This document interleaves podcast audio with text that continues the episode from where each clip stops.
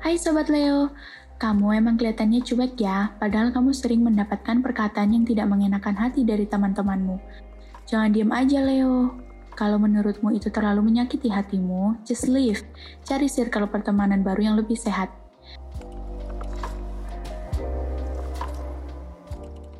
Percintaan untuk Sobat Leo Lovebird. Waduh, lagi-lagi menerima cinta dari seseorang dengan keyakinan yang berbeda ya. Ya, apa pun pilihanmu, kamulah yang tahu apa yang terbaik untukmu.